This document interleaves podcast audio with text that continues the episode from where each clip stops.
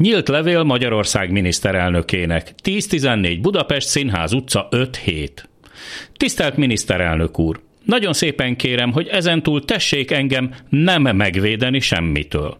Jól el vagyunk mi, a 9,7 millió magyar, akarom mondani, a magyar emberek az önök védelme nélkül is tudunk vigyázni magunkra, ha hagynák. A magyarázatom olyan egyszerű, hogy azt még német Szilárd is megirigyelhetné. Eddig bármihez nyúltak, bármitől meg akartak védeni bennünket, pont az ellenkezője sült ki belőle, meg egy jó nagy lopás. Vegyünk néhány példát szépen sorra. Meg akartak védeni bennünket a menekültektől, olyan emberektől, akiknek eszük ágába sem volt Magyarországon maradni, mentek volna tovább, ha hagyják. Az eredmény? Magyarországon lebontották a menekültügyi ellátás romos maradékát, és az Ukrajnából menekülőkkel már nem tudtak mit kezdeni állami szinten.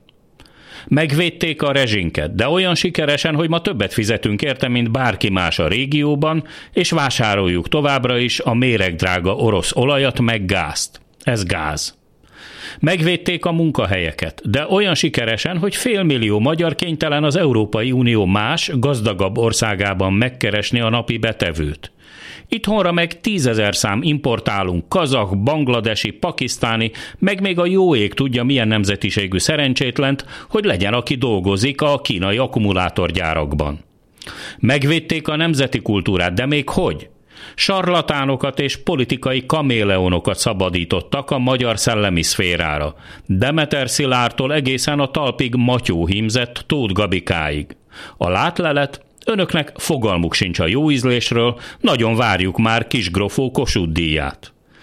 Megvédték a határon túli magyarokat, ha kell, ha nem. Az eredmény? Szétverték az érdekképviseleteiket, budapesti pórázt akasztottak rájuk, támogatottból megtűrté alakították őket a szülőhazájukban. Önök olyan sikeresen megvédték a forintot, hogy alig jut belőle a zsebünkbe. Májusban például 10% felett zsugorodott az amúgy is szerény belföldi fogyasztás. Annyira sikeresen megvédték az egészségügyet, hogy aki ma átlépi egy kórház kapuját, az hagyjon fel minden reménnyel. Akár páciens, akár orvos, akár ápolónő. És nagyon kérem, ne akarjanak minket megvédeni sem Brüsszeltől, sem Soros Györgytől, sem a fiától, sem a hanyatló nyugattól. Szeretnénk mi legalább egy kicsit úgy hanyatlani, ahogy ők hanyatlanak. Cserében megígérhetem, hogy ha egyszer végre elszakad a cérna a magyar emberekben, mi sem fogjuk önöket és a pereputjukat megvédeni. Na erre mérget vehet. Üdvözlettel! A mikrofonnál Hardi Mihály. A hírek után azonnal kezdünk.